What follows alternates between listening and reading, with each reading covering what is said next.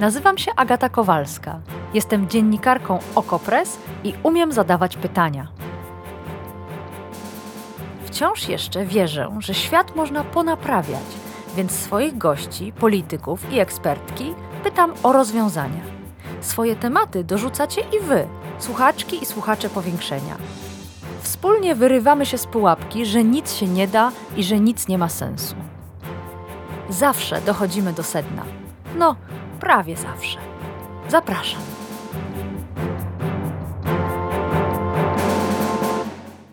Ten odcinek podcastu Powiększenie nagrywamy w środowe popołudnie, niemal dobę po eksplozji w Przewodowie. Przewodów to miasteczko leżące 6 kilometrów od granicy polsko-ukraińskiej, w którym wczoraj po godzinie 15.40 doszło do tajemniczej eksplozji. Na początku mówiono, że to pył kukurydziany, bo wybuch miał miejsce w suszarni zboża. Zginęły dwie osoby, dwóch mężczyzn, pracowników tej suszarni. Pierwszy donosił o tym Dziennik Wschodni, później Radio Lublin. Z nich dowiedzieliśmy się też, że na miejsce jedzie wojewoda lubelski. A później, po 18, rzecznik rządu Piotr Miller poinformował, że zbiera się Komitet Bezpieczeństwa w Biurze Bezpieczeństwa Narodowego. Zwołał je premier Morawiecki. Wtedy już wiedzieliśmy, że to raczej nie był wybuch pyłu kukurydzianego. Pojawiły się pierwsze domysły, pierwsze tezy i pierwsza panika. Dopiero dzisiaj, po godzinie 12, wspólnie wystąpili prezydent Andrzej Duda i premier Mateusz Morawiecki i wspólnie opowiedzieli o tym, co się stało. Wybrałam dla Was dosyć obszerne fragmenty tej konferencji, by pokazać jej dynamikę, sposób opowiadania o tym, co się wczoraj wydarzyło w przewodowie. Obydwaj liderzy bardzo mocno podkreślali na przykład odpowiedzialność rosyjską za sytuację zagrożenia i starali się, moim zdaniem, jak najwięcej wyjaśnić w bardzo precyzyjny sposób. Jedyne, czego nie wyjaśnili, to to, dlaczego ta konferencja odbywa się tak późno, wiele, wiele godzin po tym, gdy doszło do eksplozji, gdy doszło do uderzenia rakiety i po tym, gdy wszyscy zaczęliśmy się naprawdę martwić i naprawdę bać. Posłuchajcie najpierw prezydenta Andrzeja Dudy, premiera Mateusza Morawieckiego, a później wspólnie z Witoldem Głowackim spróbujemy przeanalizować wydarzenia z wtorkowego popołudnia i z wtorkowej nocy. Zapraszam. Wczoraj obserwowaliśmy zmasowany, niespotykanej skali atak rosyjski na Ukrainę. Bombardowane było praktycznie całe terytorium Ukrainy, w szczególności były też i bombardowane obszary przygraniczne. Na miasta w tej części Ukrainy praktycznie wszystkie większe ośrodki miejskie spadły wczoraj e, rosyjskie rakiety. Ukraina broniła się, co oczywiste i zrozumiałe, także wystrzeliwując rakiety, których zadaniem było strącenie e, rakiet rosyjskich. W związku z powyższym mieliśmy do czynienia z bardzo poważnym starciem wywołanym przez stronę rosyjską, tak jak i cały konflikt. W istocie zatem winę za całe wczorajsze starcie z całą pewnością ponosi strona rosyjska. Nic, absolutnie nic nie wskazuje na to, że był to intencjonalny atak na Polskę. Czyli, że to, co się stało, czyli to, że na naszym terytorium spadła rakieta, nie było działaniem intencjonalnym. Nie była to rakieta, która była wymierzona, wycelowana w Polskę. W istocie zatem nie był to atak na Polskę. Pytanie zasadnicze brzmiało, jaka to była rakieta. Najprawdopodobniej e, była to rakieta produkcji rosyjskiej, prawdopodobnie wyprodukowana w latach 70. E, rakieta e, typu S-300. W związku z czym kolejne zasadnicze pytanie było, kto był odpowiedzialny za wystrzelenie tej rakiety, krótko mówiąc, kto wystrzelił tą rakietę. Nie mamy w tej chwili żadnych dowodów na to, że rakieta ta została wystrzelona przez stronę rosyjską. Natomiast wiele wskazuje na to, jest wysokie prawdopodobieństwo, że była to rakieta, która służyła po prostu obronie przeciwrakietowej, czyli że była użyta przez siły obronne ukraińskie. Jest wysoce prawdopodobne, że jedna z tych rakiet spadła niestety na terytorium Polski. Oględziny na miejscu zdarzenia, te wstępne, e, już wskazują na to, że, że, że nie doszło tam do klasycznej eksplozji ładunku wybuchowego rakiety, tylko prawdopodobnie był to efekt po prostu upadku rakiety w tym miejscu połączony być może z eksplozją paliwa, które pozostawało w tej rakiecie. Nie była to klasyczna, duża eksplozja rakiety. Takie, takie na razie wynikają z obserwacji wstępne wnioski, natomiast prowadzą tam w tej chwili działania nasi śledczy, prowadzą działania także i śledczy ze strony amerykańskiej. Proszę Państwa, chcę podkreślić jeszcze raz, nie mamy absolutnie żadnego absolutnie żadnej wskazówki czy poszlaki, która by nam y, pozwalała twierdzić, że był to atak na Polskę, że ta rakieta została intencjonalnie skierowana y, po to, żeby uderzyła y, w terytorium Polski. Najprawdopodobniej był to niestety nieszczęśliwy wypadek. Szanowni Państwo, nasze jednostki wojskowe po tym zdarzeniu postawione zostały w stan podwyższonej gotowości bojowej.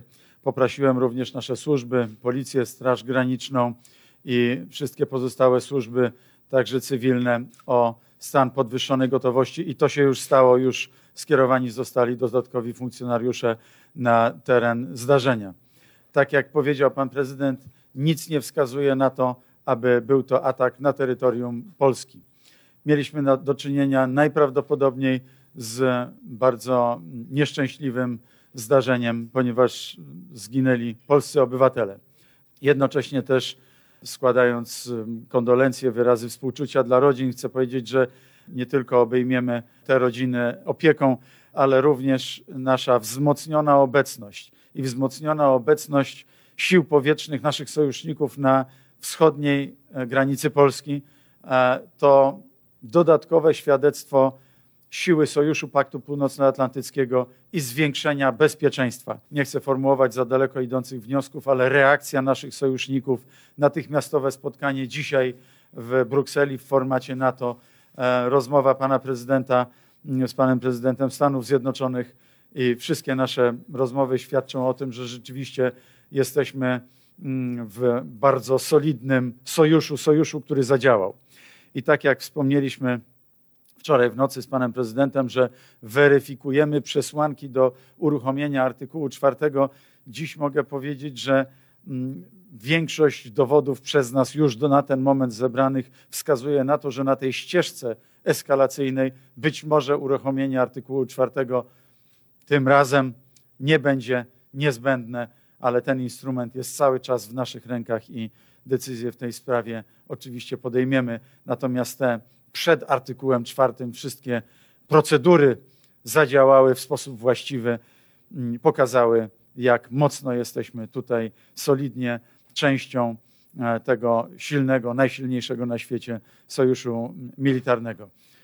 Proszę Państwa, chcemy w tym kontekście też podkreślić z Panem Premierem, żeby mieszkańcy wschodniej części Polski nie niepokoili się zwiększoną aktywnością zarówno wojsk lotniczych, czyli samolotów, krótko mówiąc, jak i policji, e, Straży Granicznej, wojska w rejonie wschodniej Polski, w szczególności w rejonie przygranicznym. To jest e, działanie, które podjęliśmy w sposób intencjonalny, właśnie w celu wzmocnienia bezpieczeństwa w istocie widząc y, żołnierzy, widząc y, zwiększone siły policyjne, widząc zwiększony ruch samolotów wojskowych na niebie, proszę zachować spokój, bo to świadczy o tym, że, że działamy i że to polskie bezpieczeństwo jest wzmocnione. Współdziałają z nami w tym zakresie sojusznicy, więc y, będą też na polskim niebie latały przez, naj, przez najbliższy czas, już w tej chwili latają także samoloty Sił Powietrznych Stanów Zjednoczonych. Prosiliśmy o to już wczoraj, od razu po po zdarzeniu, żeby właśnie ta obecność obrony przeciw, przeciwlotniczej sił powietrznych była wzmocniona. To się w tej chwili dzieje. To są działania zaplanowane, wzmacniające bezpieczeństwo Polski, w związku z czym wszyscy, którzy to widzą, mogą być spokojni, że to my działamy właśnie po to, żeby było bezpieczniej.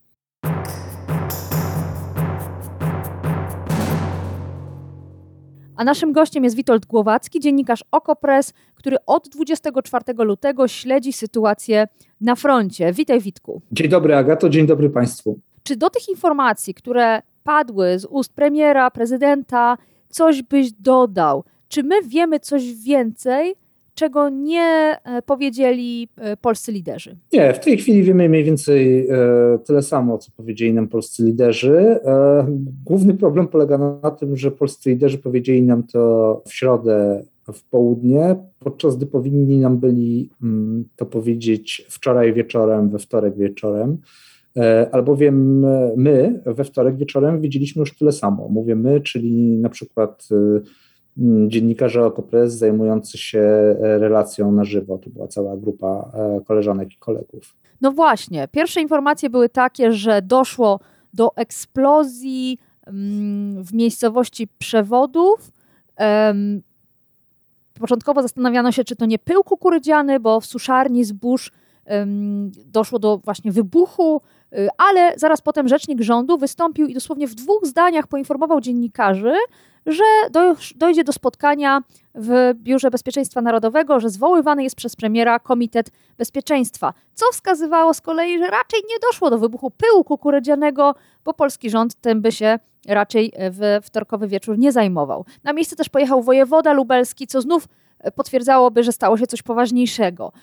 Ale jednocześnie przez wiele, wiele godzin, a tak naprawdę do teraz, czyli do tej godziny 12 w środę, nie dostaliśmy żadnych informacji, które by wskazywały, co się wydarzyło. Rzecznik rządu Piotr Miller używał pojęcia sytuacja kryzysowa, incydent, a różnego rodzaju teorie, od najmniej do najbardziej spiskowych oraz pomysły, żeby uruchomić artykuł 5 NATO, żeby strzelać w stronę Kaliningradu, y, się mnożyły. Czy jest jakiekolwiek wytłumaczenie dla zachowania polskiej strony, nałożenia tego ścisłego embarga i milczenia? Dlaczego to, co dzisiaj powiedział prezydent i premier, nie padło wczoraj? Moim zdaniem to jest bardzo poważny błąd e, w kryzysowej polityce komunikacyjnej rządu, e, który właśnie skutkował narastaniem paniki mm, i wzmożenia e, wojennego wśród polskiej opinii publicznej. Informacje, które pozwalały na stworzenie sensownego i oddającego realia obrazu sytuacji, były dostępne już wczoraj wieczorem. Ale jak to możliwe, że, że ty. I były jak... dostępne w przestrzeni publicznej. No właśnie, tak, właśnie, to od razu odtwórzmy to. Jak to jest możliwe, że ty, dziennikarz z Warszawy, wiedziałeś, że to, co spadło na suszarnię zbóż w Przewodowie, to jest ukraiński pocisk, a nie rosyjska rakieta? Jak, to, jak, jak się zdobywa taką wiedzę? To nie była wcale żadna wielka filozofia, ponieważ wczoraj gdzieś między godziną 20 a 21 różne intelowskie źródła w sieci mediach społecznościowych, niezależnie od siebie, identyfikowały pozostałości pocisku znalezione w przewodowie jako elementy S-300 czyli pocisku przeciwlotniczego arsenału. Mówisz o grupie, o której już kiedyś rozmawialiśmy w podcaście Powiększenie, czyli fachowców od militariów, którzy, jak to wtedy mówiłeś, po jednym, jednej cyferce na skorupie jakiegoś pocisku są w stanie rozpoznać, kiedy został wyprodukowany, w jakiej fabryce i co to był za rodzaj broni. I nie żartowałeś. I to rozumiem, o tych ludziach mówimy. Tak, oczywiście mówimy o tych ludziach, e, mówimy o godnych zaufania, bardzo godnych zaufania e, źródłach, z których na przykład na co dzień korzystam, e, opracowując analizy dotyczące przebiegu wojny w Ukrainie. W tym wypadku właśnie takie osoby, które, które naprawdę są godne zaufania, również identyfikowały ten pocisk jako ten właśnie konkretny typ ukraińskiego pocisku przeciwlotniczego S-300. Produkcji rosyjskiej dodajmy oczywiście, ponieważ S-300 produkowały wyłącznie Rosja i Związek Radziecki. Żadnej. Pani Ewa między innymi, nasza słuchaczka, pyta z ewidentną pretensją w głosie, a właściwie w twicie, Dlaczego ja, obywatelka Polski, dowiaduję się od prezydenta Bidena o tym, że rakieta, która uderzyła w polskie terytorium, była rakietą obrony powietrznej Ukrainy? Dlaczego nie dowiedziałam się tego najpierw od naszych władz? Co byś odpowiedział Pani Ewie, czy jest jakiekolwiek usprawiedliwienie, bo może jakieś jest, dyplomatyczne, próba ustalenia wspólnego komunikatu ze stroną ukraińską, którą przecież wspieramy, czy też po prostu no nie, ma, nie ma wytłumaczenia? Tak, znaczy strona ukraińska o tyle postawiła tutaj polskie władze w takiej kłopotliwej sytuacji, że twardo obstawała przy tym, że to rosyjski pocisk i jeszcze dzisiaj rano raczej przy tym obstawała. Ale nie zmienia to faktu, że nasz rząd powinien był liczyć się z taką ewentualnością od dawna, to znaczy właściwie od pierwszych dni wojny. To, że po polskiej stronie granicy mógł spaść, czy to cudzysłów zabłąkany rosyjski pocisk manewrujący, czy właśnie ukraińska rakieta przeciwlotnicza, czy szczątki jednego z tych dwóch typów broni, było takim scenariuszem ewentualnościowym, ale absolutnie realnym i koniecznym do brania pod uwagę właśnie od tamtego czasu, od na przykład e, momentu, w którym Hmm. została po raz pierwszy zaatakowana baza w Jaworowie przy co ty- samej polskiej Co ty sugerujesz, że co powinien mieć rząd przygotowane? To znaczy powinien być przygotowany scenariusz komunikacji zarówno do obywateli, jak i na poziomie międzynarodowym, przygotowany na wypadek, w którym e, na przykład e, mamy do czynienia z takim nieintencjonalnym mm, uderzeniem e, pocisku e, po stronie polskiej. E, Wiemy z grubsza, kto za to e, odpowiadał, czy Rosjanie, czy na ukraińska obrona przeciwlotnicza. I mamy scenariusze przygotowane na wypadek tego, w który na przykład zarówno wersji, w której Ukraińcy natychmiast jakby potwierdzają, że to ich pocisk i, i, i, i, i, i, wyrażają współczucie dla ofiar, jednocześnie tłumacząc to swoją wojenną sytuacją i na taką oto wersję, która właśnie zaistniała w tej chwili, w której Ukraińcy właśnie twardo twierdzą, że to Hmm. musiał być pocisk rosyjski, a nie e, ukraiński. Mam takie Tutaj poczucie, powinna być Mhm. wypracowana wcześniej, z góry, przygotowany e, taki jakby schemat dyplomatycznej odpowiedzi na obie te, na oba te warianty. Pytanie też od kolejnego ze słuchaczy, czy w tym momencie, skoro wiemy, że to ukraiński pocisk antyrakietowy, to czy w ogóle powinniśmy jeszcze czekać na jakąś odpowiedź dyplomatyczną polskiego rządu wobec Ukrainy? Wczoraj wezwano na dywanik rosyjskiego ambasadora. Podkreślał też dzisiaj prezydent, że to wszystko jest efekt y, agresji rosyjskiej na Ukrainę, ale czy Twoim zdaniem ten incydent, ten nieszczęśliwy wypadek powinien jakoś dłużej pozostać w naszej świadomości? Przede wszystkim uważam, że to i tak dobrze z naszego punktu widzenia, że to się stało dopiero teraz, po tylu miesiącach wojny w Ukrainie, nie na samym jej początku, bo mogło się to stać. E, Po drugie, wczoraj e, Ukraina odpierała najbardziej zmasowany atak rakietowy od e, pierwszego dnia wojny. Rosjanie odpalili ponad 100 pocisków manewrujących. Ukraińcy mm, na terenie całego kraju bardzo intensywnie się mm, przed tym bronili.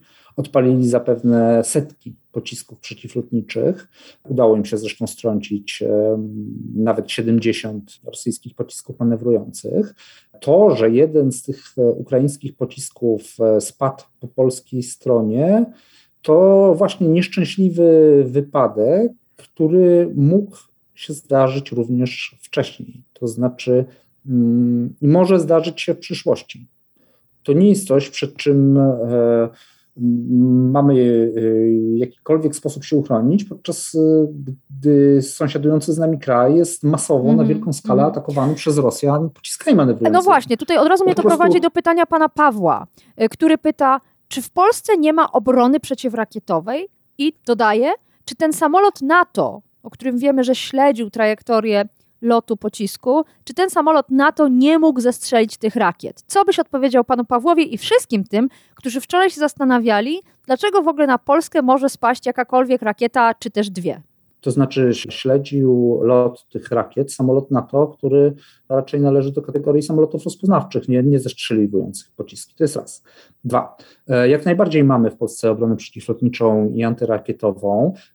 Solidnie też wzmocnioną, włas- zwłaszcza właśnie w tych rejonach newralgicznych dla przebiegu wojny w Ukrainie. Mówię tu przede wszystkim o szlakach przerzutowych broni i amunicji na Ukrainę. To jest solidnie wzmocnione przez państwa sojusznicze, również e, z NATO. E, Pierwszej pomocy udzielili nam na przykład Brytyjczycy, ale są też, jest tam też amerykański sprzęt i nie tylko. Natomiast no, sama specyfika obrony antyrakietowej i obrony przeciwlotniczej no, polega na tym, że broni się tych celów, które mogą być obiektem intencjonalnego ataku i tym samym nie broni się z samego założenia całej powierzchni Polski ze wszystkimi jej wsiami, polami, miasteczkami, e, po prostu dlatego, że większość z nich nigdy nie będzie celem intencjonalnego ataku. Ale to Witku, to skupmy się na jednym obszarze. Rzeszów, duże miasto przy wschodniej granicy, na dodatek z pracującym bardzo, bardzo ciężko lotniskiem w Jasionce. Gdyby taki przypadkowy, nieszczęśliwy wypadek się zdarzył i pocisk ukraiński zamiast trafić w rosyjską rakietę poleciałby w stronę Rzeszowa, w stronę lotniska w Jasionce, to istnieje szansa, żeby go zestrzelić? To znaczy, e, jeżeli chodzi o e, Rzeszów, rejon lotniska Wiasiące, autostradę do granicy, to są obiekty, które są bardzo mocno chronione mhm. przeciwlotniczo i mhm. antyrakietowo. I tak, tam by istniało wysokie prawdopodobieństwo, że jakiś cudzysłów zabłąkany pocisk również zostałby zestrzelony Mm, w rejonie granicy. Akurat czy S-300 miałoby w ogóle szansę dolecieć do Rzeszowa, to jest bardzo dyskusyjne, no ale załóżmy, że na przykład byłby to rosyjski pocisk, który również na przykład ze względu na wadę konstrukcyjną na przykład po prostu stracił swój kurs i po, poszybował gdzieś w wojnie w Ukrainie, E, zdarza. To znaczy, część tych rosyjskich pocisków jest wadliwie zbudowana i po prostu nie trafia w cel, i co więcej, mija ten cel czasem o dziesiątki kilometrów. Oczywiście one czasem nie trafiają w cel i czasem okazują się wadliwe, czasem eksplodują chwilę po odpaleniu, czasem ich systemy naprowadzenia działają nieprecyzyjne. No wiele tutaj zależy od jakby i pochodzenia tej e, broni i warunków, w jakich była konserwowana nie tylko w ostatnich latach, ale w ogóle przez e, cały okres istnienia niepodległej Ukrainy, a w początkowych latach jej istnienia no, mogło być z tym bardzo źle. Część e, ukraińskiej obrony przeciwlotniczej, tej posowieckiej, no, też działa czasami trochę tak jak chce. Wróćmy zatem do źródła problemu czyli ataku rosyjskiego na Ukrainę i zmasowanego ataku rakietowego, który wydarzył się wczoraj, a dziś rano widziałam już, że ogłoszono kolejny alarm bombowy w miastach ukraińskich, a chyba nawet na całym obszarze Ukrainy z wyłączeniem Krymu. Dlaczego akurat teraz, dlaczego znowu y, to Ukraina musi przeżywać? mi się wydaje, że największy związek ma to z e, ochłodzeniem, które w tej chwili zaczynamy obserwować e, w Ukrainie, no zresztą w Polsce też. E, po bardzo łagodnej jesieni, która była no wręcz bardzo ciepła, tak? Mamy do czynienia z rekordowym październikiem, na przykład w Polsce mm, w całej historii pomiarów. E, po tej bardzo ciepłej jesieni w końcu przychodzi okres ochłodzenia. W Kijowie na weekend e, zapowiadane są temperatury ujemne, a w nocy nawet minus 8. To jest ten moment, w którym uderzenia w ukraińską infrastrukturę energetyczną i ciepłowniczą mogą stać się naprawdę bardzo dotkliwe dla ukraińskich cywili bo teraz już nie mówimy tylko o braku e, dostępu do prądu i kłopotach z łącznością komórkową, tylko też mówimy o, o czasem niemożności ogrzania mieszkań. Mhm. A to nie jest zemsta za? Zagotowania herbaty. No, tak, to jest trochę zemsta za Hersoń również. Rosjanie niewątpliwie e, zbierali E, pociski na ten atak, bo w poprzedzających go dniach e, intensywność tych ataków rakietowych e, bardzo mocna jeszcze w październiku, ona zdecydowanie osłabła. W zasadzie przez kilka dni prawie tych ataków nie było. Prawdopodobnie w tym czasie Rosjanie gromadzili mm, zasoby do wykonania takiego jednego E, mocnego uderzenia, które dzisiaj prawdopodobnie jest też jakoś kontynuowane. Jeszcze nie wiemy w jakiej skali, nagrywając ten mhm, podcast. Mm -hmm. Na pewno y, znajdą Państwo te informacje w relacji na żywo prowadzonej e, w OKO.press od wczoraj. Cały czas też śledzimy o wiele trudniejszą sytuację w Ukrainie, a nie tylko sytuację w Przewodowie i w Warszawie gdzie zbiera się mm, Rada Bezpieczeństwa Narodowego. O skutkach tego posiedzenia też będziemy w Okopres informować, a ja tymczasem dziękuję Witoldowi Głowackiemu, dziennikarzowi Okopres, który, jak słyszą Państwo, trzyma rękę na pulsie od 24 lutego i będzie ją trzymał, odwiedzając również nasz podcast. Dziękuję Ci, Witku.